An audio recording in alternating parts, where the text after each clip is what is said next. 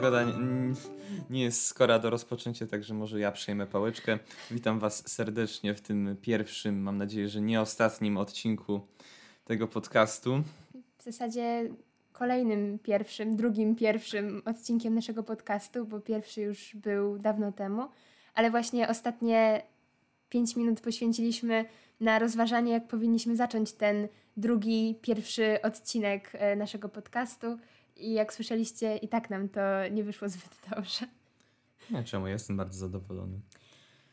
Um, no właśnie, więc y, postanowiliśmy, jak pewnie większość z Was słyszała już na Instagramie, że ten nowy pierwszy odcinek będzie dotyczył tematu, który jest bardzo bliski obecnie naszym sercom, y, czyli tematu Erasmusa.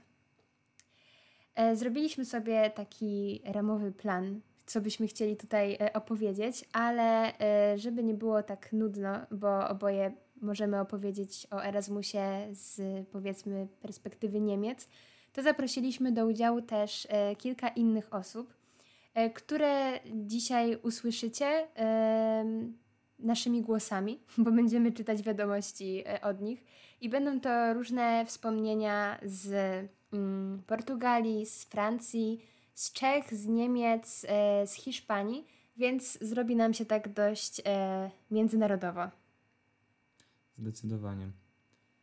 Patrzę sobie po prostu na Twoją kartkę z tymi notatkami i nie jestem w stanie niektórych punktów odczytać. O jakich my kostiumach mamy mówić? to są koszty. A no faktycznie, dobra.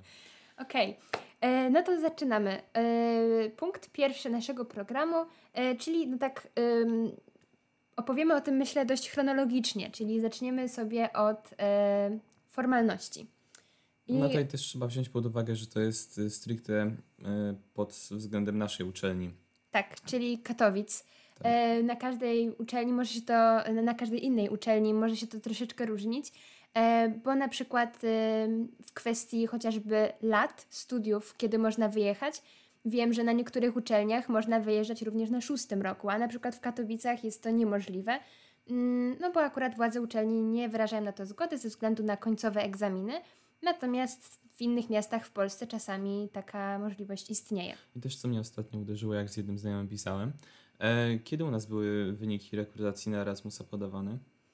Mm w marcu, kwietniu, jakoś na początku roku kalendarzowego, znaczy na początku, no tak w pierwszych miesiącach.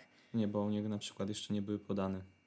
Teraz? Teraz oni jeszcze nie mieli, wiesz, podanych wyników re rekrutacji na Erasmusa. A rzeczywiście, zdarza się tak, bo wydaje mi się, że kiedyś też pisała do mnie osoba na Instagramie właśnie z pytaniem, e, kiedy dostawaliśmy te wyniki, bo była bardzo zaniepokojona, że ona jeszcze nie dostała, ale właśnie studiowała w innym mieście, tylko nie pamiętam już gdzie, więc no to prawda, to może się różnić w zależności od, od uczelni. No ale opowiemy tak chociaż mniej więcej, jak to no, wyglądało. Jasne, oczywiście. Um, ja bardzo często dostaję na Instagramie pytania o to, czy trzeba być jakąś jednostką wybitną, żeby pojechać na Erasmusa. E, I odpowiedź brzmi nie, nie trzeba być. E, tak naprawdę to, co jest najważniejsze przy wyjeździe na Erasmusa, przy rekrutacji, to jest e, średnia ocen i posiadanie certyfikatu językowego. Przy czym ten certyfikat nie musi być e, stricte jakimś certyfikatem nadawanym przez jakąś instytucję. Na przykład na Siumie jest możliwość e, e, po prostu wliczenia w to oceny z języka angielskiego. Tak. I tak naprawdę piątka daje bardzo dużo punktów w zasadzie. Niewiele mniej niż jakiś certyfikat prawdziwy językowy, więc w sumie to nie masz takiej wielkiej różnicy. Dokładnie.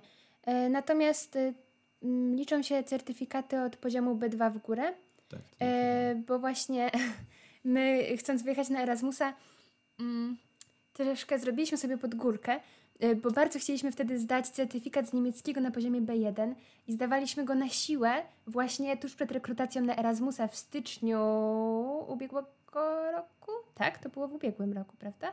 Tak, tak. zdecydowanie. No. Czyli w styczniu 2021 roku, e, a potem okazało się, że nie dość, że wyniki nie zdążyły w ogóle przyjść e, z Frankfurtu, e, to jeszcze ten certyfikat na poziomie B1 i tak by nam się do niczego nie wliczył. Bo tutaj trzeba zauważyć, że akurat y, na tej liście ze strony uczelni to było tak dosyć niejasno rozpisane, bo przecież y,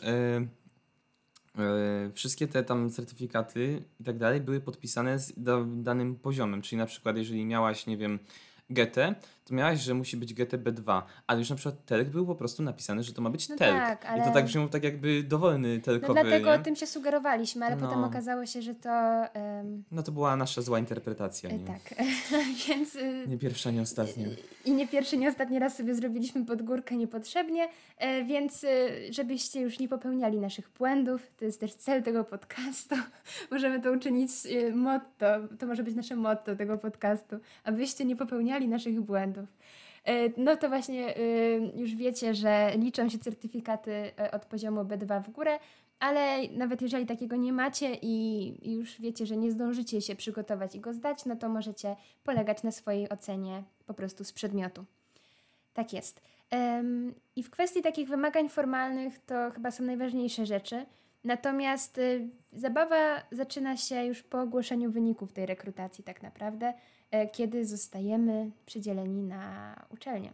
Tak, no bo wcześniej to cała rekrutacja to tak naprawdę jest kwestia zaniesienia odpowiednich dokumentów na uczelnię, standardowa procedura, odwiedziny w dziekanacie ze wszystkimi nieprzyjemnościami z tym związanymi, A czasami przyjemnościami. a czasami przyjemnościami oczywiście, jak najbardziej. Ale tak, tak jak Jagoda mówisz, później się zaczynają troszeczkę już schody, ponieważ istnieją tak naprawdę dwa najważniejsze dokumenty, które musimy załatwić, czyli to jest Learning Agreement oraz potwierdzenie uznania zaliczeń. One zasadniczo sobie mniej więcej odpowi- odpowiadają, ale z pewnymi różnicami. Tak jest. I to jest ten słynny learning agreement, czyli po prostu coś, co spędza sen z oczu e, wszystkich osób wyjeżdżających na Erasmusa. Polega to na tym, że musimy dostosować swój plan, który realizowalibyśmy w Polsce, do planu na uczelni zagranicznej. Wszystkie przedmioty, które musimy zrealizować e, w Polsce, muszą być zrealizowane w trakcie tej wymiany. I tutaj znowu też em, pojawia się coś, na co wydaje mi się, że jako polscy studenci nie zwracamy aż tak wielkiej uwagi w ciągu naszych studiów, czyli punkty E ECTS. Bo one zawsze gdzieś tam istnieją, ale jakoś nie, nie, nie zwracamy na nie uwagi. To znaczy my na kierunkach lekarskich No mam tak, wrażenie, tak. że nie zwracamy na to uwagi, bo tak jak się rozmawia z ludźmi z jakiejś polibudy albo coś, to oni zawsze jednak na to zwracają uwagę, ale u nas to nie za bardzo. No właśnie, natomiast przy tym wyjeździe na, na uczelnię zagraniczną to zaczyna odgrywać ogromną, ogromnie istotną rolę. Bo na przykład można się dowiedzieć, że my zasadniczo co roku musimy mieć zrealizowane ile punktów ECTS? Sześć, chyba 60 jest za o dwa semestry bodajże, nie? Albo 50, Sześć? Chyba 56, coś mi się tak wydaje. Zadajesz mi teraz zbyt trudne pytanie, na które nie byłam gotowa. No dobrze, tak po, ujmijmy, że około 60 punktów Tak, ECTS y, trzeba tylko rocznie zdobyć. że y, pamiętajcie też, że to nie jest tak, że sumarycznie musicie, znaczy, że sumarycznie musicie zdobyć tyle punktów, to jest oczywiste, ale nie może być na przykład tak, że jeżeli macie na uczelni polskiej przedmiot, nie wiem, anestezjologia, który jest wyceniany na 4 punkty ECTS, to nie możecie go zastąpić za granicą e, przedmiotem, który ma tych punktów ECTS e, pół albo dwa, bo dziekanat y, no, nie wyrazi na to zgody. Więc oprócz tego, że trzeba wyrobić sumarycznie taką ilość CTS-ów, e, jaką byście wyrobili w Polsce, to jakby pojedyncze przedmioty też muszą się mniej więcej pokrywać. I to jest fakt faktem coś, co na przykład w, u mnie w Hanowerze w dziekanacie bardzo pani zdziwiło, że no jak to, no to macie ECTS-y, a potem jeszcze trzeba myśleć o tym, jak te się ECTS-y rozkładają na przedmioty. One nie były w stanie tego zrozumieć. Dla nich to jest albo, albo, albo robimy przedmioty tematycznie, albo robimy ECTS-y. I no I to dlatego właśnie to potem spędza ten sens powiek, bo no to jest czasami trudne. I o ile jeszcze na przykład w Niemczech powiedzmy, że te przedmioty i generalnie system studiów jest dość podobny do polskiego i znalezienie tych odpowiedników nie jest aż tak trudne, tak już na jakichś innych uczelniach, na przykład wiem, że w Hiszpanii, bywa to trudniejsze, bo te studia wyglądają troszkę inaczej i znalezienie właśnie tak jeden do jednego przedmiotów na uczelni zagranicznej bywa problematyczne. Z tego, co rozmawiałem z Hiszpanami, to oni chyba mają tak, że oni jakby nie mają narzucone, w którym roku muszą który przedmiot zrobić, z tego, co kojarzę. Być może. Na pewno też tak w Turcji mają. I właśnie tak się dziwiłem, kiedy rozmawiam z tymi ludźmi, oni tak na chillku do tego w ogóle podchodzą, że no ja mogę sobie zrobić w tym roku to, bo akurat mam taki Mm. kaprys, ja sobie inny przedmiot zrobię za rok. Ja im mówię, że dobra, ale jak zrobicie to w ten sposób, to nie znacie tego przedmiotu, nie będziecie mieli za to oceny, nie dostaniecie za to punktów. A oni tak, dobra, no to zrobimy sobie za rok po prostu, nie? I tak wiesz, No właśnie, bo to jest też, to jest w sumie też często na uczelniach zagranicznych, bo u nas w Polsce jest tak, że oczywiście są takie przedmioty, gdzie możemy mieć jakiś warunek, tak? I, i studiować sobie dalej i, i odrabiać ten przedmiot. ale powiedzmy, że to nie jest zbyt, w cudzysłowie mówiąc, popularne. I nie jest to korzystne na pewno. I nie jest to korzystne ani finansowo, ani czasowo. A na tych uczelniach zagranicznych to nie jest w sumie nic dziwnego, że jak czegoś się nie zda, to potem się to powtarza, albo nawet nie trzeba chodzić na zajęcia, tylko po prostu się zdaje egzaminy w kolejnych sesjach. Więc no to się różni, ale robimy podcast dla polskich studentów, tak, więc tak, tak. u nas to raczej wszystko będzie wyglądało tak samo, czyli wiecie, że macie określone przedmioty do zrealizowania w danym roku albo w danym semestrze, no bo na Erasmusa można wyjechać na tylko jeden semestr, można wyjechać na cały rok i po prostu musicie te przedmioty y, zrealizować. I zasadniczo możecie się zastanawiać, skąd wy w ogóle macie wiedzieć, jak macie wypisać ten learning agreement. E, powinniście w momencie, kiedy się dostaniecie na daną uczelnię poprzez Erasmus, to powinniście od nich dostać maila albo no, jakąkolwiek wiadomość, w której zawrą wam wszystkie te przedmioty, które oni oferują jako uczelnia. I wy wtedy sobie po prostu z tego, jak takie klocki Lego, układacie mhm. swój własny learning agreement. I to jest tak, że na przykład, jeżeli dany przedmiot na uczelni zagranicznej jest realizowany w innym semestrze, czyli przykładowo, bo myślę, że na przykładach najlepiej jest to zrozumieć. Ja musiałam zrealizować na przykład e, rehabilitację i genetykę, e, które tutaj są realizowane na przykład na, mówię już trzeci raz na przykład, e, mhm. na szóstym, siódmym semestrze. To nie jest problem, że te przedmioty będą się różnić tymi semestrami. Po prostu chodzicie wtedy z różnymi grupami studentów i to nie jest problem. Nie byłoby tak naprawdę możliwym wybranie na uczelni zagranicznej jednego semestru, no bo to jest po prostu niewykonalne, żeby na tym jednym semestrze były wszystkie przedmioty, które wy potrzebujecie w Polsce. Więc można to sobie właśnie, tak jak Michał powiedział, układać jak takie klocki i konstruować z tego, co wam przyśle uczelnia przyjmująca, swój własny plan zajęć. I to naprawdę, tak naprawdę zamyka nam już kwestię Learning Agreementu, nie? No, no bo tak. Learning Agreement jest dokumentem, który interesuje uczelnię Was przyjmującą tak naprawdę. Mhm. A później mamy dokument, który się nazywa potwierdzenie uznania zaliczeń i to jest dokument, który interesuje Waszą uczelnię wysyłającą, ponieważ tak naprawdę to jest tak jakbyście wzięli Learning Agreement i do niego dopisali, co za te przedmioty za granicą dostajecie w Polsce. Mhm. Takie podsumowanie.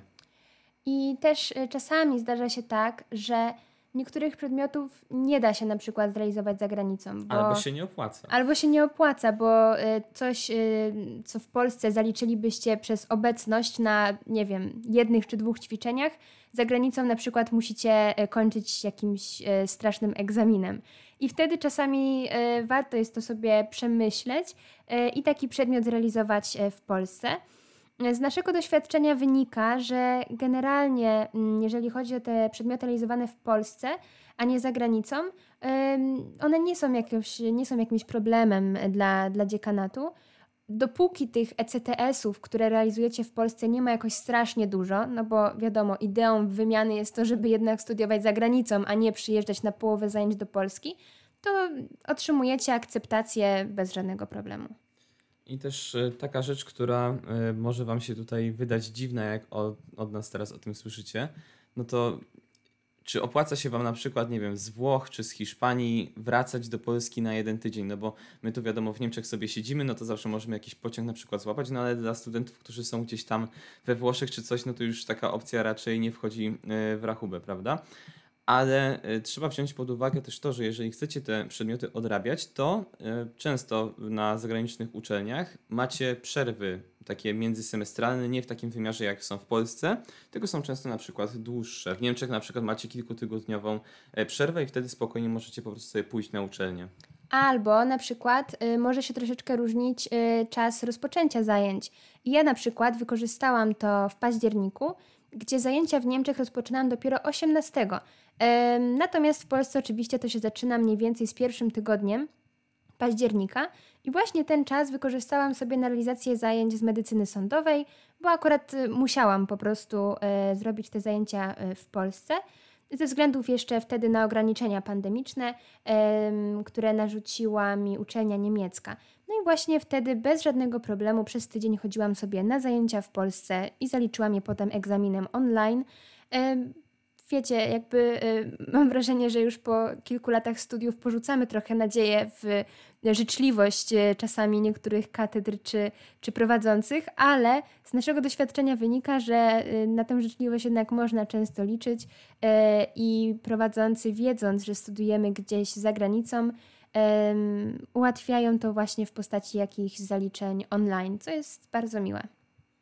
No oczywiście trzeba umieć też rozmawiać z ludźmi, napisać ładnego maila i się ładnie z ludźmi dogadać, no ale to inna kwestia. Okej. Okay.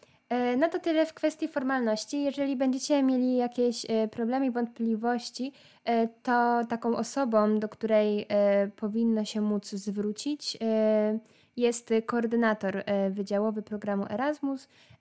Jeżeli nie jesteście pewni, jak te przedmioty ułożyć, jak je poukładać sobie, żeby to potem bez żadnego problemu było Wam zaliczone na koniec wymiany, no to właśnie z takim koordynatorem czy panią koordynator trzeba się wtedy skonsultować. Ja nawet nie zliczę, ile razy y, byliśmy na takich różnych spotkaniach, bo było tego bardzo dużo. Dlaczego powiedziałaś, że powinno się móc dogadać? No bo z tymi koordynatorami też różnie bywa, ale szczególnie za granicą, bo my akurat mamy dobre doświadczenia, jeśli chodzi o naszą panią koordynator z Katowic.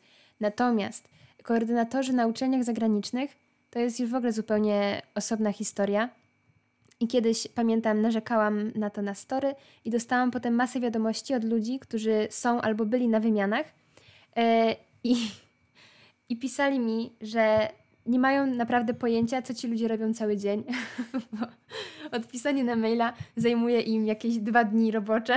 Hmm, żeby tylko. A jeśli w ogóle odpisują, a, e, a wszystkich ważnych informacji, naprawdę istotnych, to dowiadujemy się zwykle od innych studentów, w sensie miejscowych studentów, jakąś pocztą pantoflową, bo ci koordynatorzy nie udzielają żadnych sensownych e, informacji. U mnie najbardziej urocza była taka całkowita dezinformacja między dziekanatem a koordynatorem wydziałowym i po prostu attitude tych babeczek z dziekanatu, które już po prostu z takim widocznym zniecierpliwieniem patrzyły na to, co, co ten koordynator wydziałowy mi tam w learning agreemencie powyrabiał. No. no, więc zdarza się i tak, ale tak. Erasmus też uczy właśnie takiej, e, po pierwsze takiej też e, odpowiedzialności i samodzielności, e, samodzielności i też takiej odporności na takie sytuacje, że na początku się tym przejmujesz, a po pewnym czasie już jesteś tak uodporniony, że wiesz, że jakoś to będzie, jakoś się to poukłada i przestajesz się tym tak bardzo stresować. Więc e, to jest plus. Trochę zboczyliśmy z tematu. Jak tak. tak patrzę na czas, to nam. E, się strasznie rozgadaliśmy. Tak. No dobra, to będzie jakiś e, długi odcinek, ale po takiej przerwie to wiesz, musimy tak. Nie, no zawsze, zawsze się robi w nowym nadrobić. sezonie odcinek pilotażowy. No więc, właśnie. No. E, Okej, okay, dobra, więc to była kwestia formalności. To teraz. E... A i tylko jeszcze to jest bardzo ważna rzecz. E, learning Agreement jest płynny. Co mam A, na tak. tym, tutaj na myśli, to to, że uzgadniacie go przed po, pobytem, czyli to jest tak zwana część before, później macie during the mobility i tam możecie praktycznie na początku każdego semestru sobie zmieniać ten learning agreement, bo się może okazać na miejscu, że przedmioty, które sobie wpisaliście, to na przykład nie istnieją, wasz koordynator nie, nie ogarnia. Tak z życia wzięte. E, I później jest jeszcze część After the Mobility, także tutaj dowolną ilość razy praktycznie możecie sobie zmieniać ten... Także y, nie przejmujcie się za bardzo i nie przywiązujcie się do tego learning agreementu e, właśnie przed wyjazdem, bo potem jak przyjeżdżacie na miejsce i tak jak mówię, dowiadujecie się różnych rzeczy od miejscowych studentów, to nagle się też okazuje, że mogliście sobie zaoszczędzić kilku miesięcy stresu i kombinowania, gdyby tylko koordynator raczył Wam udzielić paru ważnych informacji. To też z życia wzięte. E, więc e, tak. Tak, e, to tyle w kwestii formalności. tak jest. Przejdźmy dalej. Także punkt wszystko jest drugi, dla ludzi i spokojnie. Tak, punkt drugi, który jeszcze jestem w stanie odczytać, czyli akademik. tak. E, to tak już trochę się streszczajmy. Jeżeli chodzi o akademik, e, to o niego się też aplikuje e, przed wyjazdem.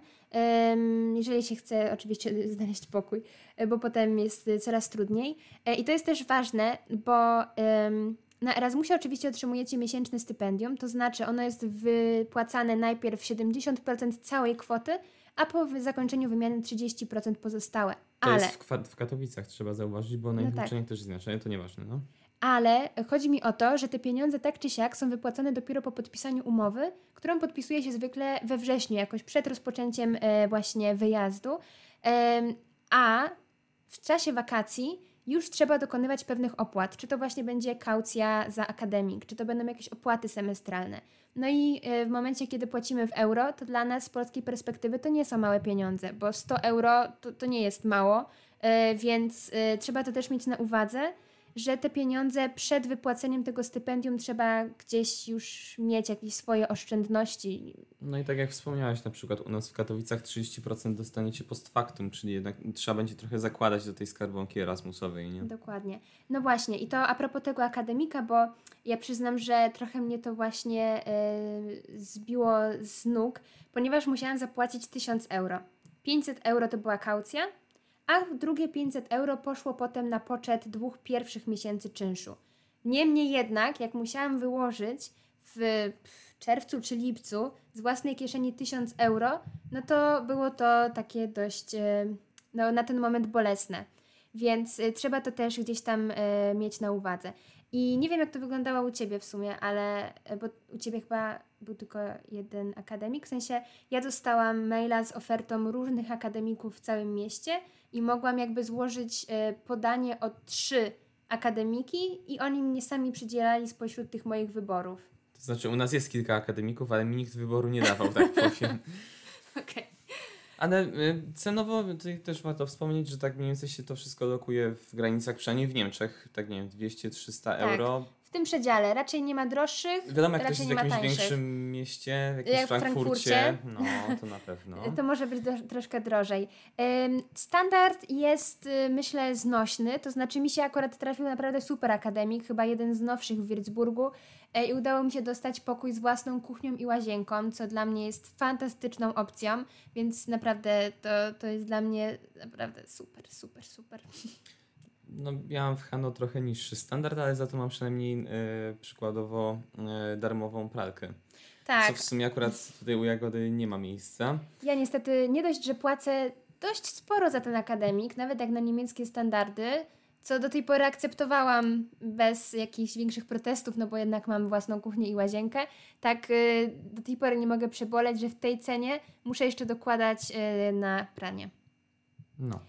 No, natomiast tak, ym, jakie są tego plusy i minusy? Yy, dla mnie, jako yy, człowieka, który jest raczej introwertykiem, yy, są prawie same plusy, bo ja się bardzo cieszę, jak mogę sobie wrócić do pokoju i być w nim sama. No, w sumie to nie, nie powiedziałaś tego, bo ty masz wszystko w tym pokoju, nie? Powiedziałam. Powiedziałaś? Dosłownie przed chwilą. Sorry. Miałem jakiś okay. blackout. Tak. Więc dla mnie to jest super, że jakby może to zabrzmi strasznie, ale nie mam kontaktu z ludźmi, bo musicie zrozumieć, że jak jestem na przykład po całym dniu na uczelni i muszę mówić po niemiecku, jest to też męczące i dość stresujące nadal, mimo tych kilku miesięcy, które już tutaj spędziłam. I w momencie, kiedy ja wracam do pokoju i mogę się wyciszyć, to jest to dla mnie naprawdę super. E, chociaż no, ludzie, którzy mieszkają ze współlokatorami, szczególnie jeśli mieszkają z Niemcami, no to mówią, że jest to na pewno bardzo rozwijające, bo kiedy spotykają się w jakichś częściach wspólnych, na przykład w kuchni, no to wtedy rozmawiają po niemiecku, więc ćwiczą ten język cały czas. To jest na pewno plus. W Twoim przypadku, mm, no to mieszkasz z ludźmi z różnych krajów, więc masz ten element takiej różnorodności kulturowej z kolei. No tak, ja akurat trafiłem na piętro, w sensie u mnie w akademiku wszyscy ci z Erasmusa są wrzucani na jedno piętro, mam wrażenie. Chociaż ten, y, ten cały mój akademik, a przynajmniej ta moja część, to jest jak po prostu jedna wielka wieża Babel. Tam są ludzie z tak no różnych programów, różnych studiów, że nie tylko na moim piętrze, tylko ogólnie Azjatów jest pełno jakichś różnych narodowości, także... Mhm. No. no więc znowu, ma to swoje plusy, ma to swoje minusy. Um... Tak, tylko w sumie o dziwo właśnie z tylko mniejszością można porozmawiać po niemiecku, także... No tak, no to też właśnie, no bo to też wynika z tego, że są z różnych programów i często studiują po angielsku, mimo że no mieszkają no w Niemczech i ten niemiecki nie jest im jakby potrzebny. No, więc to zależy, co kto lubi. Jak ktoś lubi kontakt z ludźmi, lubi z ludźmi, z ludźmi rozmawiać dużo, no to mieszkanie ze współlokatorami y, będzie na pewno y, cenniejsze dla mnie taki kontakt y, na zewnątrz wystarczy, a jak wracam, to cieszę się swoją samotnią. No to może brzmieć strasznie, ale sobie jak tak człowiek musi codziennie na te kilka godzin wsiąknąć w to środowisko i cały czas skupiać się na tym, co do niego mówią, bo mówią w języku obcym, to jest trochę trudne. Tak. I dlatego potem, no właśnie, jak się zostaje samemu, to jest jednak taka pewna ulga, że można no. chwilę odetchnąć. Dobra. Ale to w sumie trochę zahaczyliśmy o punkt trzeci, czyli właśnie te kostiumy twoje i opłaty, tak? Koszty! I opłaty, tak. Tak. E, no, no tak, no już to powiedzieliśmy. Jeżeli chodzi o koszty życia, to em, hmm, nie wiem. No myślę, że to jest zależne od każdego człowieka tak naprawdę, jak No sobie to tak. będzie układał, bo można sobie w miarę jakoś oszczędnie robić te obiady. Tutaj trzeba też wziąć pod uwagę, że jeżeli na przykład mieszkacie tak w obrębie kampusu, tak jak na przykład ma to miejsce w Hanowerze, e, to macie dostępną na przykład mensę i tam jako studenci ze swoją kartą studencką macie zniżki i tam macie obiady na przykład za jakieś, nie wiem, 2 euro czy coś takiego. No, inną kwestią jest oczywiście jakość tych obiadów, ale to jest inna sprawa. tak nie mówię. są takie złe, przynajmniej w Würzburgu są całkiem smaczne. Nie wiem, nigdy nie próbowałem w Hanowerze, Okej. ale bo słyszałem różne opinie po prostu i nigdy nie próbowałem. A jeżeli chodzi na tak ogólnie, to nie jest jakoś super drogo, na pewno. To nie jest na przykład tak, jak byliśmy w Danii na praktykach, gdzie tam te ceny było czuć, że naprawdę są wyższe po przeliczeniu na złotówki. Tutaj da się przeżyć yy, w miarę fajnie. Szczególnie, że na przykład, no akurat Jagoda Ma, ty masz trochę niefart, bo u ciebie ten e, bilet tak, no, nie za dużo ci daje, Tak, ale bo ja mam y, taką sytuację, że z legitymacją studencką mam darmową komunikację miejską i taki wąski zakresik dookoła Würzburga. U Michała jest znacznie fajniej. tak, no bo ja mam tak naprawdę transport po całym Hanowerze wszystkimi środkami transportu i jeszcze tak naprawdę, no w sumie na cały land, czyli na całą Dolną Saksonię, to jest aż po Hamburg i, i po Bremę, mogę sobie e, pociągami jeździć za darmo, czy no za darmo, to jest oczywiście w cenie opłaty semestralnej, no ale, Ale- przynajmniej coś za to dostaję, prawda? Tak, y, a musicie też wiedzieć, że pociągi w Niemczech są koszmarnie drogie i Oj, tak. y, im bliżej terminu podróży, tym są droższe. Co mnie y, zabiło, kiedy pierwszy raz chciałam jechać właśnie do Michała do Hanoweru. Jestem typem człowieka, który w Polsce zawsze kupuje bilet y, na 10 minut przed odjazdem pociągu, bo jakoś nigdy mi się nie chce tego załatwić wcześniej. No i właśnie bardzo się zdziwiłam, jak chciałam y, kupić ten bilet do Hanoweru i wyskoczyły mi ceny około 70-80 euro. Jak się kupuje, to z większym wyprzedzeniem jest taniej, ale te ceny i tak nigdy nie spadają poniżej 16 euro, co znowu w przeliczeniu na złotówki, no całkiem sporo nam wychodzi. Zawsze jest jeszcze ewentualnie Flixbus. I tutaj w Niemczech jest o tyle fajnie, że Flixbus ma też swoje te pociągi. y, Flixtrainy. Flixtrainy. One są akurat zatrważająco tanie, nawet jak na warunki polskie, tylko kwestia jest taka, że one jeżdżą po bardzo wybranych Trasach. e, trasach i w bardzo określonych, dziwnych godzinach. Także to trafić, żeby się dało połączyć coś z Flixtrainem, to jest akurat naprawdę cud. No dobrze, no więc generalnie na pewno Niemcy nie są jakimś najdroższym krajem, w którym można wyjechać na Erasmusa i mając stypendium, mając jeszcze jakieś, nie wiem, inne źródło dochodu, czy to będzie kredyt studencki, czy praca zdalna. Szczególnie właśnie tutaj Można- weźmy pod uwagę to, że na przykład w Niemczech jest dużo ofert e, pracy dla studentów. Mhm. z uczelni organizowanych. Można zostać jakimś tam tutorem, czy teraz, no oczywiście wiadomo, w trakcie pandemii to e, cały czas są oferty pracy do tych punktów wymazowych i one są akurat bardzo dobrze płatne, ale ogólnie można znaleźć dużo jakichś takich ofert, żeby sobie coś tam dorobić w godzinach. Tak jest. Tak. No dobra. Y, Potem sobie napisałam tutaj uczelnia. M, Miałam tutaj na myśli to, żebyśmy jakieś wyrazili ogólne opinie na temat uczelni. Y, Te nasze uczelnie się dość mocno różnią, bo uczelnia w Würzburgu powstała chyba w jakimś XIV czy XV wieku, więc 14, czyli nie, XV. prędzej. No to powstała sobie w XV wieku. E, Te budynki są takie bardzo ładne. Ten kampus e, jest położony na takim wzgórzu. No w ogóle całe miasto jest zupełnie inne niż Hanower, bo jesteśmy w Bawarii, jeśli chodzi o land, natomiast e, kulturowo jest to Dolna Frankonia. E, co? No tak, tak, no to, słucham cię, no nic, no. Zrobiłeś taką minę. Em, Zapatrzyłem się w twoje oczy. To się wytnie. Mm, tak. E, Okej, e, no więc w każdym razie jest to miasteczko położone wśród wzgórz, więc bardzo malowniczo. Jest małe. Naprawdę tutaj, e, kiedy szykowałam się do wyjazdu i, i dowiedziałam się, że dostałam akademik nie na terenie kampusu medycznego, tylko dalej, to wydawało mi się, że będzie to bardzo daleko i będzie mi to bardzo utrudniało życie. A w tej chwili dojeżdżam na kampus y, w 10 minut rowerem. I tutaj wszędzie jest blisko. Totalnie wszędzie jest blisko. Jest to małe miasteczko, ale to też ma swój urok. Yy, I tak samo kampus jest położony na takim wzgórzu yy, z ładnymi widoczkami dookoła. Jest też oczywiście sporo takich nowoczesnych szpitali w obrębie tego całego kompleksu, ale są też takie bardziej zabytkowe uczelniane budynki, które też robią bardzo fajne wrażenie. Uczelnia, jeżeli chodzi o podejście do Erasmusów, w sumie nie wiem, czy ma jakieś podejście. Mam wrażenie, że jest im to tak trochę obojętne. W sensie nie są ani na nie, ani na tak. Y, jeżeli chodzi o prowadzących na przykład, no to oni zawsze są życzliwie zainteresowani tym na przykład skąd jestem, ale nie ma żadnej taryfy ulgowej, nawet y, w sposobie mówienia. Nawet jak poproszę bezpośrednio o to, żeby mówić wolniej czy bardziej wyraźnie, to, to zwykle działa na pierwsze dwa zdania, potem zaczynają mówić tak samo jak wcześniej. Więc albo na przykład przygotowywanie jakichś prezentacji, czy, czy przygotowywanie się do zaliczeń, do seminariów, to nie ma żadnej taryfy ulgowej. Jesteśmy traktowani tak samo jak niemieccy studenci, ale jest miło i życzliwie. Tylko po prostu chodzi mi o to, że nie ma jakichś super udogodnień i, i tak dalej. Po prostu jesteśmy traktowani na równi. No. No myślę, że to samo można powiedzieć o Hanowerze. A znaczy, poza oczywiście wyłączając te wszystkie fragmenty od XV-wiecznej uczelni i tak dalej, bo Hanower powstał w ubiegłym, e, w ubiegłym stuleciu. I tak, no w sensie jest to taka typowa e, modernistyczna, postmodernistyczna niemiecka zabudowa.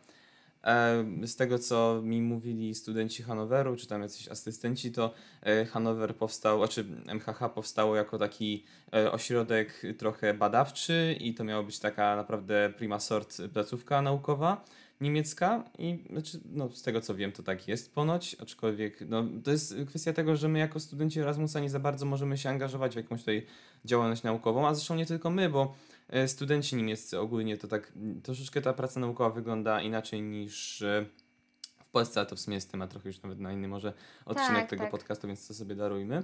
A samo miasto i sama uczelnia dla mnie jak najbardziej na plus. Y, Niemcy mają taki dziwny stosunek do Hanoweru. Oni zawsze mówią, że to jest miasto, które jest średnie we wszystkim i brzydkie i w ogóle tutaj nie ma co robić, ale nie wiem, dla mnie jest bardzo urokliwe, jest ciekawa architektura, jest bardzo dużo zieleni.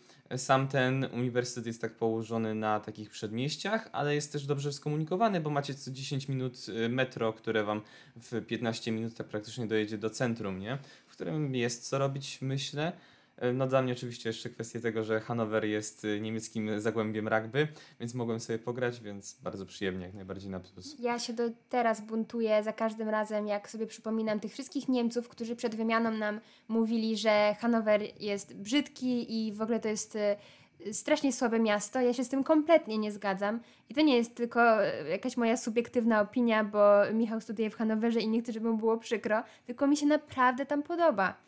Naprawdę jest ładnie. Centrum jest takie bardzo fajne, nowoczesne, a z kolei przedmieścia mają dla mnie taki vibe brytyjsko-duński, czyli coś, co ja lubię. Na e, północna Europa. No ale tutaj no trzeba tak. wziąć pod uwagę to, że jednak Hanower jest bardzo mocno związany z monarchią brytyjską ze względu na pochodzenie.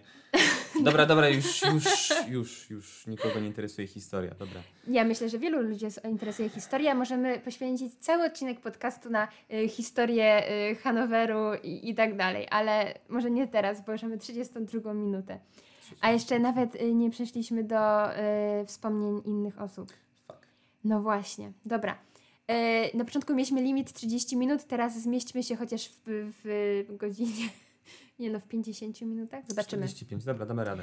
Dawaj. Yy, Okej, okay. jeżeli chodzi o zajęcia i egzaminy, to one są bardzo podobne do tych polskich. Też się chodzi do szpitala, też się chodzi w takich małych grupkach, zbiera się wywiady z pacjentami, są seminaria, są wykłady. Tylko zasadniczo jest nawet mniej w sumie tych praktycznych tak, zajęć. coś, co nas bardzo zdziwiło, to jest mniejsza ilość zajęć praktycznych, gdzie myślę, że na wielu uczelniach w Polsce na większości jest tak, że na przykład pediatrii uczymy się przez kilka lat, tak naprawdę od trzeciego do szóstego roku i mamy tych zajęć multum, gdzie tutaj tak naprawdę byłam na pięciu zajęciach w szpitalu i to była cała pediatria. To, to nie było tylko tak, że byłam na części zajęć, tylko to była cała pediatria dla tych studentów. No, tak samo u mnie w Hanowerze, tylko że tutaj też trzeba oddać to, że jak mamy seminaria zaplanowane w planie, to te seminaria są bardzo konkretne, przynajmniej u mnie były bardzo konkretne i naprawdę można było się z nich czegoś dowiedzieć, bo to często były na przykład takie jakieś omówienia przypadków i jak jak je diagnozować, jak z nim postępować, więc to była taka naprawdę nauka, z której coś można było wyciągnąć ciekawego. No właśnie, e, coś co zauważyłam e, też w Niemczech i wiem, że oboje to zauważyliśmy, bo już też o tym rozmawialiśmy,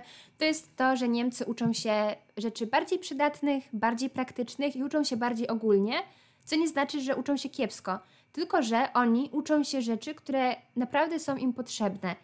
Mm, myślę, że wszyscy doskonale wiemy, że w Polsce często wymaga się od nas nauki e, rzeczy bardzo szczegółowych, które niekoniecznie nam się przydadzą w przyszłości, ale koniecznie musimy je umieć. A tutaj jest po prostu inaczej i moim zdaniem to jest super. Jeżeli chodzi o egzaminy, bo to też myślę jest temat, który mm, wielu z Was interesuje, to tak, w Würzburgu jest inaczej niż w Hanowerze. U mnie jest taki system jak w Polsce, czyli mam sesję zimową i letnią. No i w tych sesjach jest tych egzaminów całkiem sporo, bo każdy przedmiot muszę zakończyć egzaminem, nawet jeżeli w Polsce zaliczyłabym go tylko na obecność. Po prostu, żeby dostać ECTS-y, muszę zdać ten egzamin. No i tak niestety na przykład musiałam zdać egzamin z całej pediatrii po niemiecku, co chyba do końca życia będę wspominać, bo bardzo mnie to wykończyło. Z egzaminy same w sobie y, są różne. Na przykład właśnie z pediatrii był super trudny, nawet dla niemieckich studentów. Inne egzaminy były do przeżycia. Coś, co jest fajne, to jest też to, że wielu wykładowców udostępnia jakieś swoje skrypty. Y, udostępnianie wykładów jest na porządku dziennym i nikt nie ma z tym problemu, co też jest moim zdaniem super. I coś, co też zauważyłam, to jest to, że raczej tutaj nikt nie uczy się z książek. To nie jest taki system jak w Polsce, że musimy umieć od deski do deski i jeszcze podpisy pod tabelkami. Tylko tutaj właśnie y, głównym, poczekaj, y, głównym jakby źródłem nauki jest Ambos. No właśnie to chciałem powiedzieć. A no właśnie, jest Ambos, wykłady, skrypty, czyli ten materiał z zajęć. Więc nie jest tak ciężko zdać te egzaminy, nawet po niemiecku. W Würzburgu one mają formę zadań zamkniętych, chociaż teraz akurat w sesji letniej będę też miała dwa egzaminy z zadaniami otwartymi. No, więc, y, aha, i tak z takich ciekawostek to coś, co mnie na początku bardzo stresowało, y, to było to, że my piszemy w Würzburgu egzaminy na iPadach. Więc wiecie, zachód i bogactwo bawarskie i piszemy to na iPadach i mnie to strasznie stresowało, no bo żeby się zalogować do tego egzaminu, no to trzeba było tam y, przez kilka takich kroków technicznych przejść po niemiecku, no dużo łatwiej by mi było po prostu wziąć kartkę i się podpisać. No, ale już po drugim egzaminie y, robiłam to bez problemu. No. U nas też jest jakiś dziwny autorski e, system zdawania egzaminów. W sensie wchodzi się w jakiś program, się loguje i tak dalej. Więc tak, tylko że my nie na iPadach, my na zwykłych PC-tach jakichś starawych. Także. Bieda. Do, Dolna Saksonia, a Bawaria, nie? No, ale u Ciebie jest też ta e, sesja, e, w sensie ten system A, tak, tak, tak, tak, tak. W Hanowerze faktycznie tutaj mamy to, że w ogóle w Hanowerze dawniej był system e, tercji, a teraz jest kwintyli, czyli rok był dawniej podzielony na trzy części, a teraz jest podzielony na pięć, co oznacza w praktyce, że jeżeli na przykład jesteś Erasmusem i bierzesz przedmioty z czwartego i piątego roku, to sesję masz co 7 tygodni. Tak. E, plus tego jest taki, że w przeciwieństwie do Jagody ja na przykład miałem te egzaminy rozłożone tak powiedzmy co 3, co 2, czyli no pisałem częściej, ale mniejsze ilości, a Jagoda na przykład miała jedną sesję od stycznia do końca lutego praktycznie. Tak. I te dwa miesiące tych ciągłych egzaminów po prostu były dla mnie naprawdę wykańczające. To tak. było bardzo trudne. No ale okej. Okay. E, I teraz sobie zapisałam czas wolny i niemiecki. To możemy sobie jakoś tak mniej więcej e, połączyć. Y, Czy mamy czas wolny na czas wolny? Mamy. Właśnie tutaj jest tak, że na przykład... Mi tutaj na naszym, wiesz, podcaście A, teraz. Ale... Mam... Aha, okej. Okay. Yy, tak szybciutko. Y, jeżeli chodzi o... I teraz zbiłeś mnie z pantałyku. Co ja mówiłam? Że jeżeli chodzi o... Dzięki. No nie pamiętam. E, to ja może powiem coś od siebie. E, odnoszę wrażenie, że to tak samo jak e, w kwestii tego, jak będziecie pożytkować pieniądze tutaj na Erasmusie, tak samo jest kwestia tego, jak będziecie pożytkować ten czas, bo wbrew temu, co się może wydawać, to przynajmniej tutaj na, w Niemczech, wiadomo, jak przychodzi sesja, to trzeba się uczyć i te egzaminy są. Wiem! Co? Właśnie teraz mi przypomniałeś. Chciałam powiedzieć. To mi nie przerywaj, no, zatrzymaj sobie tę myśl. Bo...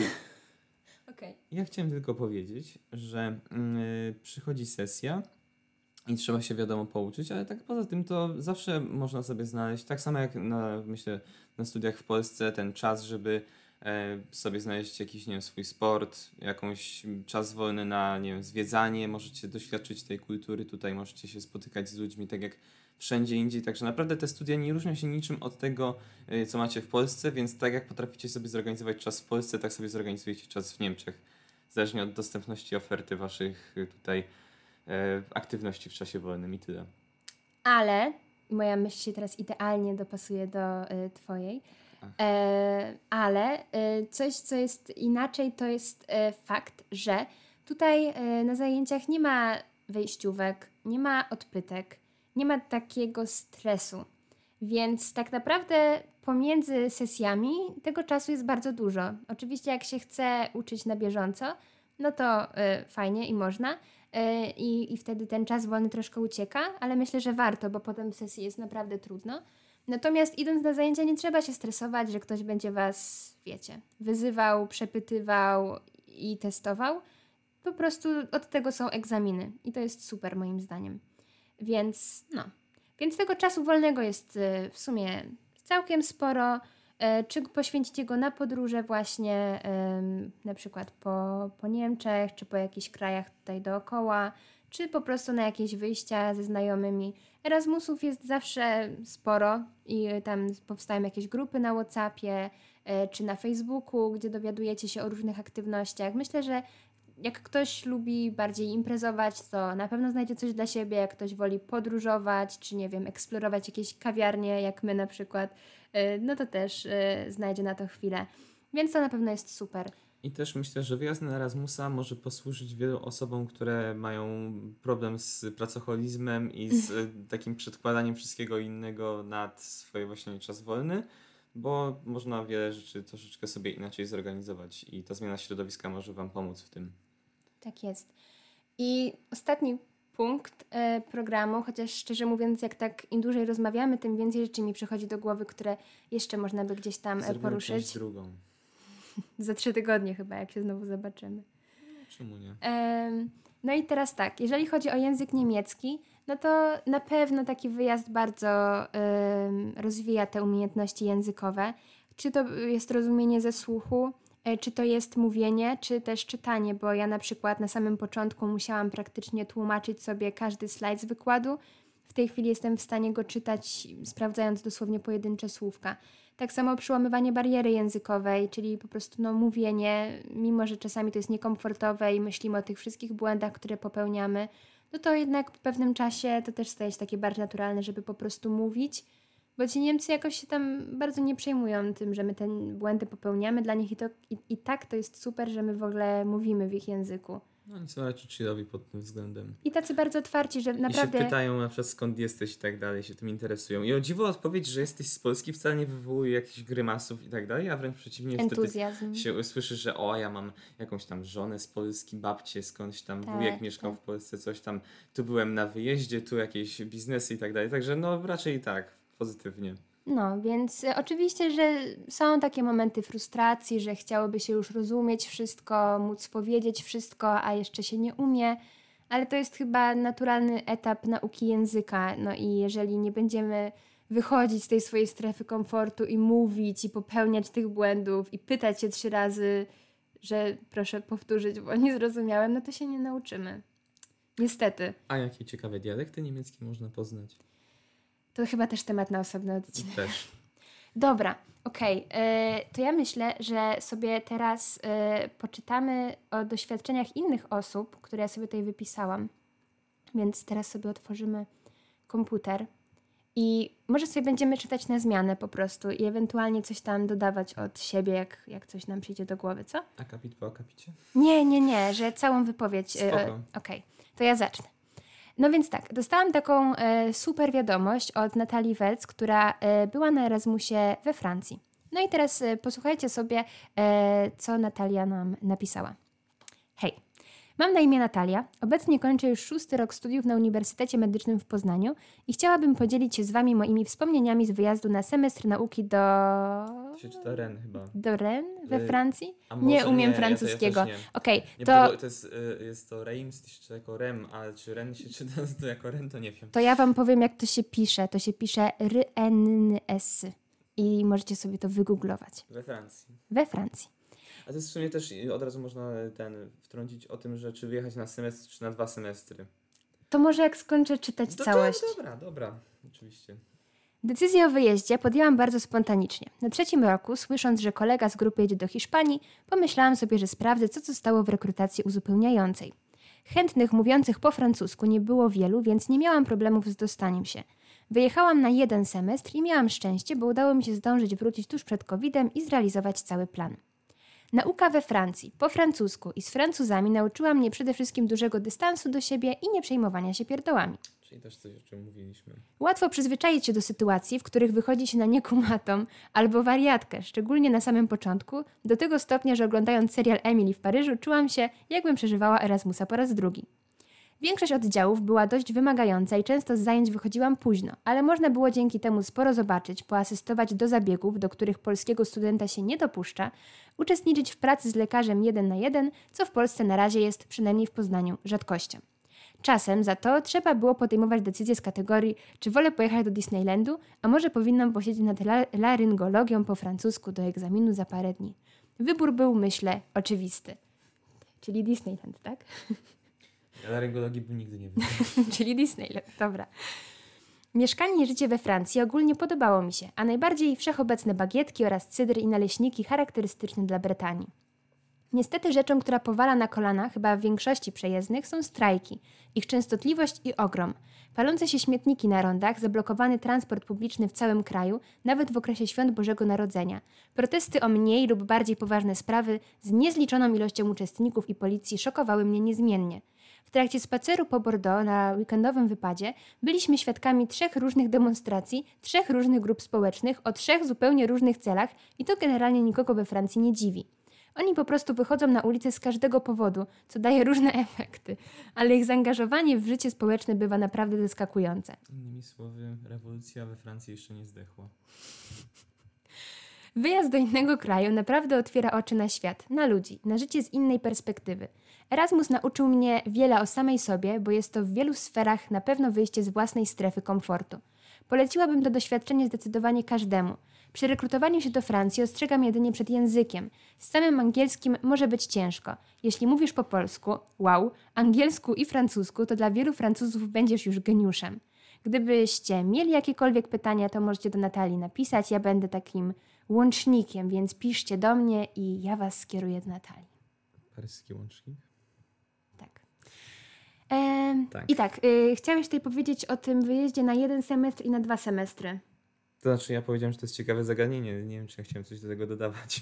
No to trzeba sobie już indywidualnie przemyśleć. Ja polecam wyjazd na cały rok, bo po pierwsze jest trochę łatwiej ogarnąć learning agreement, a po drugie, ja na przykład potraktowałam ten pierwszy semestr trochę jak taki czas, żeby się tutaj ogarnąć na miejscu i zaklimatyzować.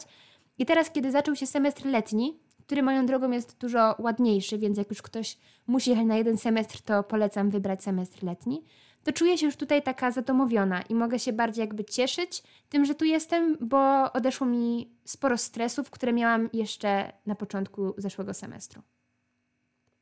Zgadzam się. Okej. Okay.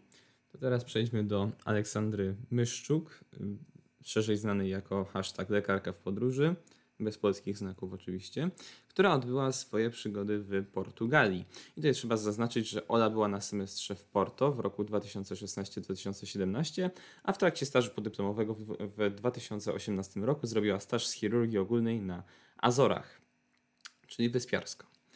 E, Porto, semestr zimowy, szósty rok. Wrażenie na tyle dobrze, że zaraz po powrocie rekrutowałam się na staż podyplomowy w ramach praktyk Erasmusa. Semestr zaczynał się we wrześniu, co w sumie jest też dosyć popularne, zauważyłem na tych zachodnich e, wyjazdach.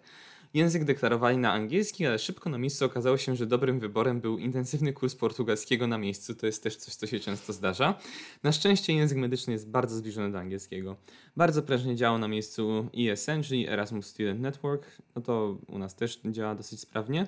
Dużo eventów zapoznawczych, wycieczki i szeroko pojęte organizowanie czasu. Dwukropek, nawias otwarty. Michał. Miałam sporo zajęć właściwie z czwartego, piątego, e, z czwartym, piątym i szóstym rokiem. Zaczynały się zawsze po dziewiątej i oczywiście w ciągu dnia obowiązkowa przerwa godzinna na lunch. Studenci bardzo pomocni, interesowali się, e, czy wszystko rozumiem i czy czegoś nie potrzebują. Prowadzący również, chociaż raczej nie byli skłonni do ulgowego traktowania. Nie omijało mnie prezentowanie i pisanie prac. W ogóle komunikacja na linii prowadzący student na ogół znacznie bliższa i bardziej otwarta niż u nas, dużo dyskusji i pytań. Warto dodać, że pomimo, że temperatura nie spadała poniżej 10 stopni, dla mnie była to najzimniejsza zima życia przez brak ogrzewania w mieszkaniach i nieszczelne okna. Doceniałam dużą ilość wojennych bibliotek i uczelni, bo w mieszkaniu było nawet zimniej niż na zewnątrz. Części znajomości... Część, Część przepraszam, dobrze. Część znajomości utrzymują do dzisiaj mega czas w życiu. Surfing był możliwy właściwie przez cały sezon, tak jak i podróżowanie po kraju. Teraz przechodzimy do części na temat stażu. E, szpital w miejscowości Horta na wyspie Fayal to region autonomiczny, ale do, ale należący do Portugalii. Znałam już język, załatwiałam całą dokumentację przedwyjazdową po portugalsku. Robiłam dwa miesiące stażu cząstkowego z chirurgii ogólnej. Zaoferowali mi akomodację w szpitalnym mieszkaniu, nieopodal za jedynie opłacanie rachunków i dzienny obiad i dziennie obiad dwudaniowy z deserem i napojem za 3-4 euro. No, w całkiem dosyć dobra oferta. Wyspa niewielka, atmosfera w całym szpitalu bardzo przyjacielska, każdy chętnie zapraszał do zabiegu, asysty, lekarze z innych oddziałów potrafili przyjść i zawołać mnie do jakiegoś ciekawego przypadku. Przez wyspiarską specyfikę wachlarz zabiegów szeroki, chirurdzy nieraz musieli zaopatrzać coś pilnego spoza swojej działki.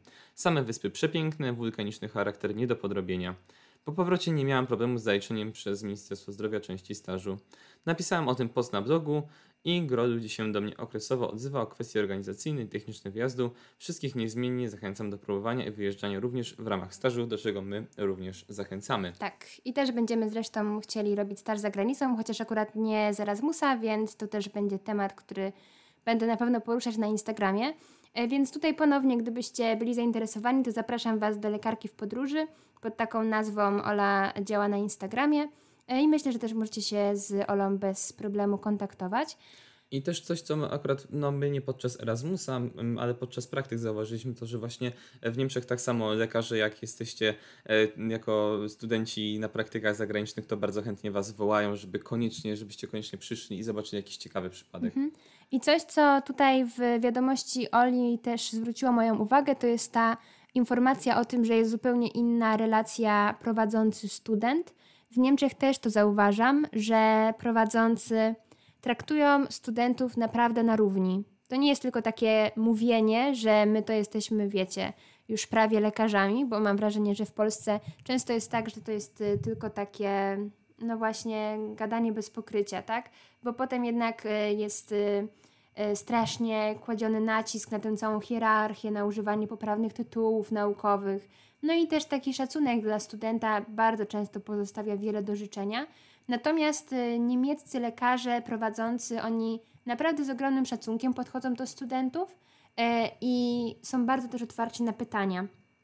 To jest coś, co zaskoczyło mnie w Niemczech, ponieważ niestety tak jest, że w Polsce zadawanie pytań jest bardzo ryzykowne, bo możemy albo zostać zwyzywani, że czegoś nie wiemy, nie umiemy, a powinniśmy to przecież umieć, Albo czasami są jeszcze, jest jeszcze druga opcja, czyli mimo, że zadaliśmy pytanie, to nie otrzymujemy na nie odpowiedzi, tylko prowadzący zaczyna nas przepytywać, tak jakby nasze zadanie pytania już nie było jakimś sygnałem, że czegoś tam nie rozumiemy czy nie umiemy, ale to jest takie, wiecie, specjalnie trzeba pokazać, że jesteśmy, nie wiem, gorsi, czy, czy mamy jakieś braki w wiedzy. I y, jest, niestety po tych y, czterech latach, no bo teraz piąty rok robię w Niemczech, no więc po czterech latach studiów w Polsce, ja się oduczyłam zadawania pytań. Jasne, że zdarzają się wyjątki i zdarzają się tacy asystenci, którzy są naprawdę super i stwarzają atmosferę, w której nie boimy się tych pytań zadawać, ale to jest mniejszość. Więc ja właśnie po tych kilku latach studiów w Polsce oduczyłam się zadawania pytań, no bo po co, jak to często właśnie się kończy w taki nieprzyjemny sposób. A tutaj znowu się tego nauczyłam, bo po pierwsze, zawsze odpowiedzi są pełne szacunku i nie spotkałam się nigdy z taką sytuacją, żeby prowadzący wyśmiał czy jakkolwiek skomentował treść pytania, nawet jak to są pytania o proste rzeczy. Co więcej, zawsze udzielają w pełni profesjonalnej i wyczerpującej odpowiedzi, a często jeszcze najpierw się w ogóle zachwycą, że ktoś zadał pytanie, że jest taki zainteresowany i że w ogóle to jest super pytanie i już, już panu albo pani odpowiadam. I to jest genialne moim zdaniem. Zgadzam się. Aczkolwiek myślę, że to jest problem nie tylko u nas w Polsce, bo jak gadałem ze studentami z Czech, to oni te same wrażenia odnosili, że właśnie hmm. jest takie traktowanie przez pracowników naukowych jako gorszych i tak dalej, więc no. Ale też tutaj jest poruszony ważny wątek, czyli oczekiwania kontra rzeczywistość, czyli język i to, że można jechać teoretycznie na Erasmusa znając tylko angielski, a później realia zostanę na miejscu, bo to nie tylko z Portugalii, to, to słyszeliśmy, ale też z Hiszpanii. No w Niemczech na przykład w ogóle nie było, nie ma w ogóle mowy o tym, żeby tworzyć jakieś grupy studentów erasmusowych, dla których się robi zajęcia po angielsku, prawda? Że tutaj akurat w, w Niemczech raczej nikt nie ma problemu, jak na przykład czegoś nie rozumiecie i zadacie na przykład po angielsku, jest wam wygodniej, prawda? Tylko że jakby nie ma takich systemowych udogodnień i tworzenia jakichś grup odosobnionych, prawda? No więc z tym trzeba się też y, gdzieś tam mierzyć i jednak no, mieć jakieś podstawy tego języka obcego, jeżeli wyjeżdżacie na, na Erasmusa. Ok. To teraz mamy kolejną wiadomość. E, Dominika Plata, która na Instagramie działa pod nazwą oposumdomestica.pomiędzy. I w ogóle e, to jest bardzo ciekawy głos, bo to nie jest głos medyczny, w sensie e, Dominika nie, nie studiuje medycyny, Natomiast y, też studiuje w Wielkiej Brytanii i z Wielkiej Brytanii wzięła udział w Erasmusie i poleciała do Hiszpanii. Więc to jest tak super, bardzo się cieszę, że Dominika się do mnie odezwała, bo to jest taka bardzo oryginalna, w sensie inna wiadomość. Ok, to już czytam. Wyjechałam na rok, czyli dwa semestry, podczas drugiego roku studiów Computer Science w Anglii. Ogarnianie formalności przedwyjazdowych było chyba poza samym przyjazdem najbardziej stresującą rzeczą. Szukanie mieszkania zajęło mi niedużo ponad dwa tygodnie. Uczelnia w Walencji gwarantowała mi Badiego, który miał się mną opiekować na początku i podczas wyjazdu. Na szczęście trafiłam na sympatycznego, trzy lata starszego chłopaka, który mówił po angielsku i był mega pomocny. Odebrał mnie z dworca w dniu przylotu, zaprowadził pod y, podany adres, a od razu później zabrał na wycieczkę po mieście ze jego znajomymi. I tak minęły mi pierwsze chwile wow w Hiszpanii. Sama uczelnia była bardzo mocno przystosowana do studentów z Erasmusa i miała mnóstwo programów wprowadzających. Ja, wyjeżdżając, nie znałam praktycznie ani słowa po hiszpańsku, więc to, czego obawiałam się najbardziej, to zajęcia nie po angielsku. Grupy angielskie były dość oblegane i zapisy polegały na kto pierwszy, ten lepszy. Niestety, jako Erasmusi nie mieliśmy do nich pierwszeństwa. Do większości zajęć udało mi się zapisać do grup w języku angielskim, niestety do jednych nie, a był to projekt grupowy polegający w 100% na współpracy z grupą hiszpańskojęzyczną.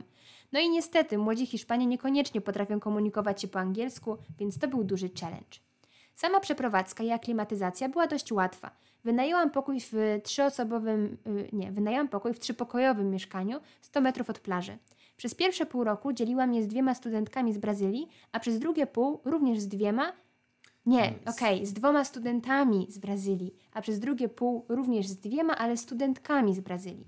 Najcięższym doświadczeniem było otworzenie się na tak wiele różnych kultur jednocześnie.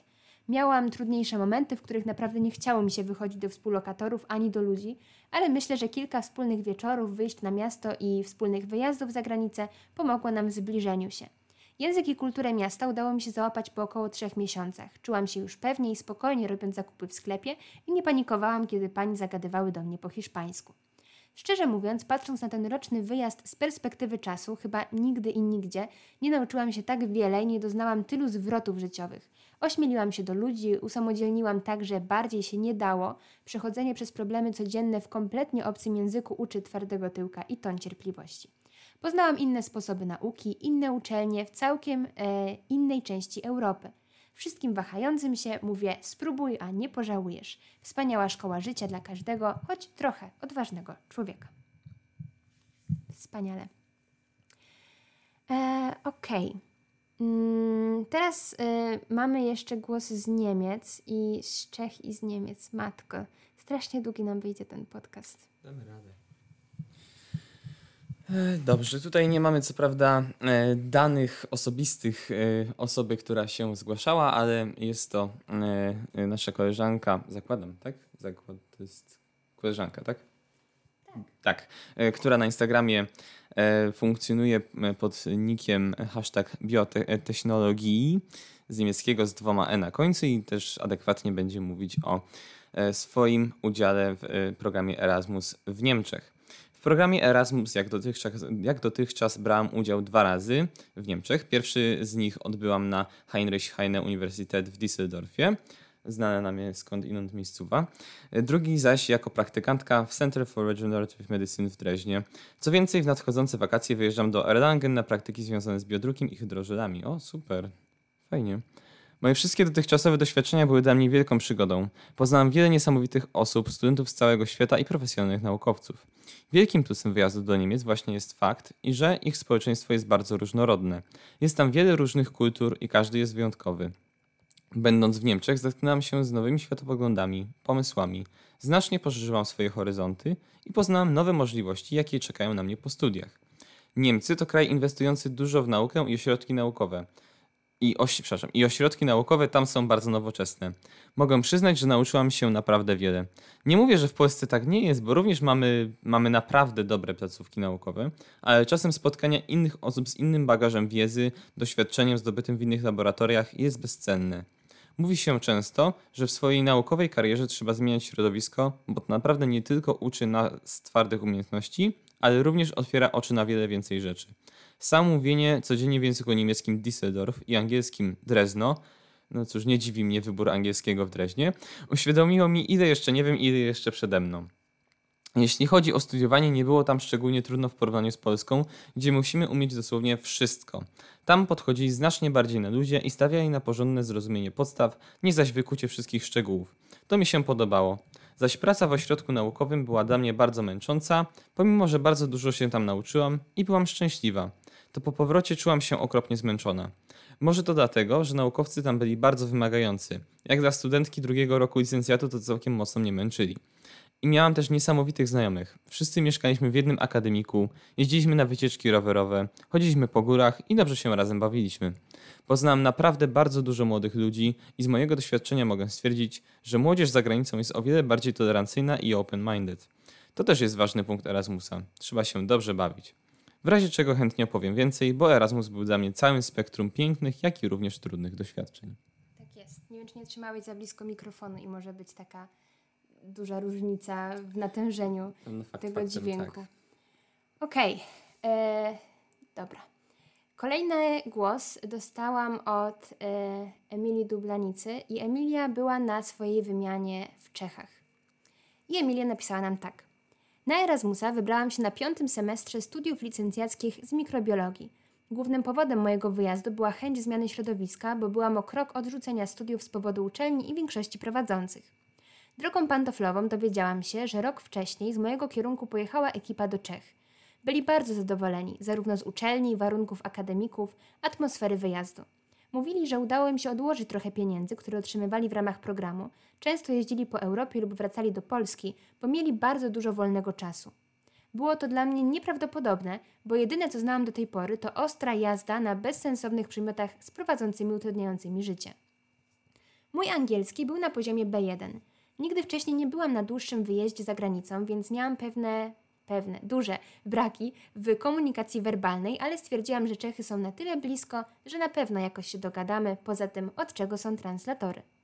Różnica między Uniwersytetem w Ostrawie a macierzystym była tak ogromna, że nie mogłam uwierzyć, że studiowanie może sprawiać przyjemność, że nie skupia się tylko wokół tyrania studentów toną prac, że najważniejsza jest Twoja praca w laboratorium. Ogromny nacisk kładli na samodzielność – Zostałam wrzucona na głęboką wodę. W uczelni macierzystej nie mogliśmy korzystać ze sprzętów bez nadzoru, chyba tylko worteksy mogliśmy obsługiwać sami.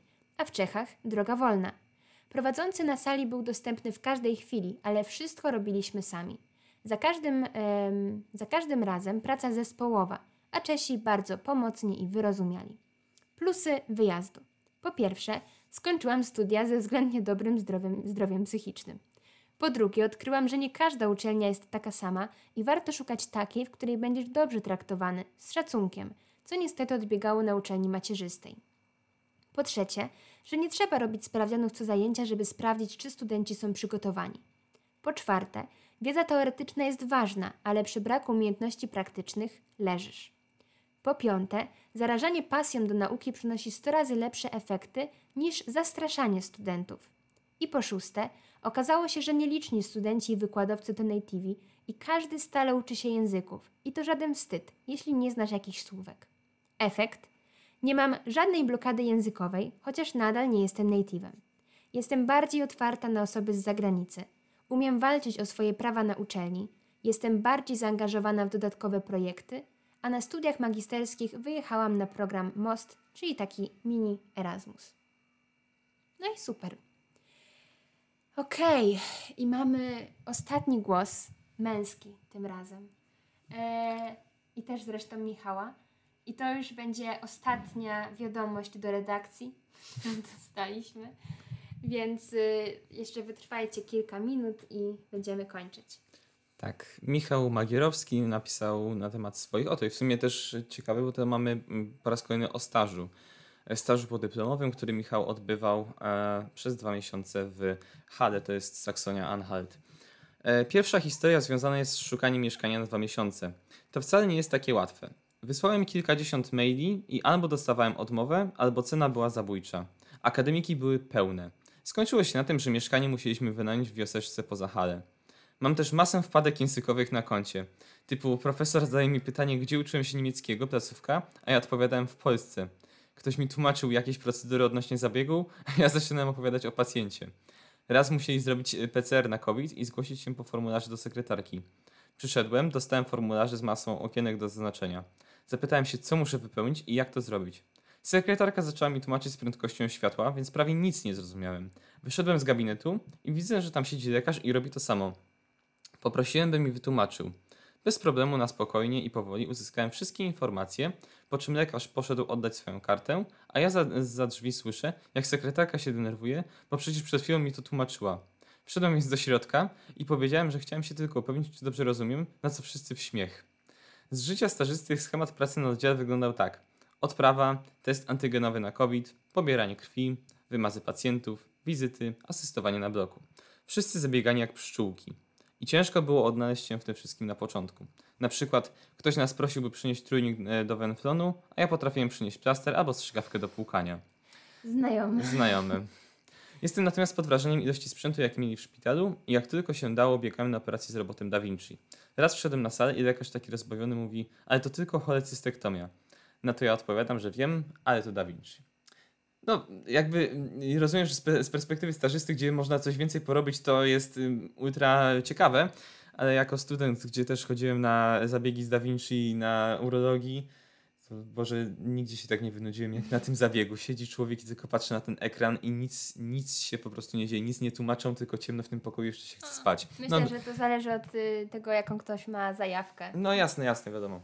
Dobra, y, już nie będziemy przedłużać, bo planowaliśmy ten podcast na 30 minut. To jest w ogóle niesamowite, jak my się rozgadaliśmy i, i ile nam to zeszło z czytaniem tych wiadomości, ale za wszystkie na maksa dziękuję i bardzo się cieszę, że udało nam się ich tyle zebrać. Em, no dobra, i co? I kończymy. Tak. No było bardzo miło, trzeba przyznać. Mi się fajnie Y, gadało tak, Erasmusie. bardzo, bardzo Ci dziękuję za współpracę. Ja tobie również, Jagutka. E, I tak, e, w razie jakichś pytań, oczywiście pozostaję do dyspozycji na Instagramie. E, zawsze chętnie pomagam i odpowiadam na Wasze różne problemy i rozterki związane z wymianą i z tym, jak to ogarnąć. Dajcie nam znać, czy są jeszcze jakieś zagadnienia Erasmusa, które pomimo tego odcinka są dla Was jeszcze niejasne, czy może coś powinniśmy bardziej rozwinąć, albo o czymś jeszcze powiedzieć, o czym nie wspomnieliśmy w tym odcinku. O, I może właśnie poświęcimy temu kolejny odcinek, Tak. nie? Po publikacji tego odcinka też zrobię na przykład jakąś skrzynkę na Instagramie, gdzie ewentualnie podpowiadamy jeszcze na Wasze pytania. Dokładnie. No dobra, no to w takim razie kończymy i do usłyszenia następnym razem. Możliwe, że nagram jakiś odcinek sama, bo teraz będziemy właśnie rozdzieleni na północy i południu Niemiec, a ja pozostaję e, w posiadaniu mikrofonu. Więc możliwe, że nagram coś sama, a nas wspólnie usłyszycie za jakieś trzy tygodnie od dziś licząc. No ja Cię nie ograniczam. No właśnie. W takim razie do usłyszenia. Do usłyszenia.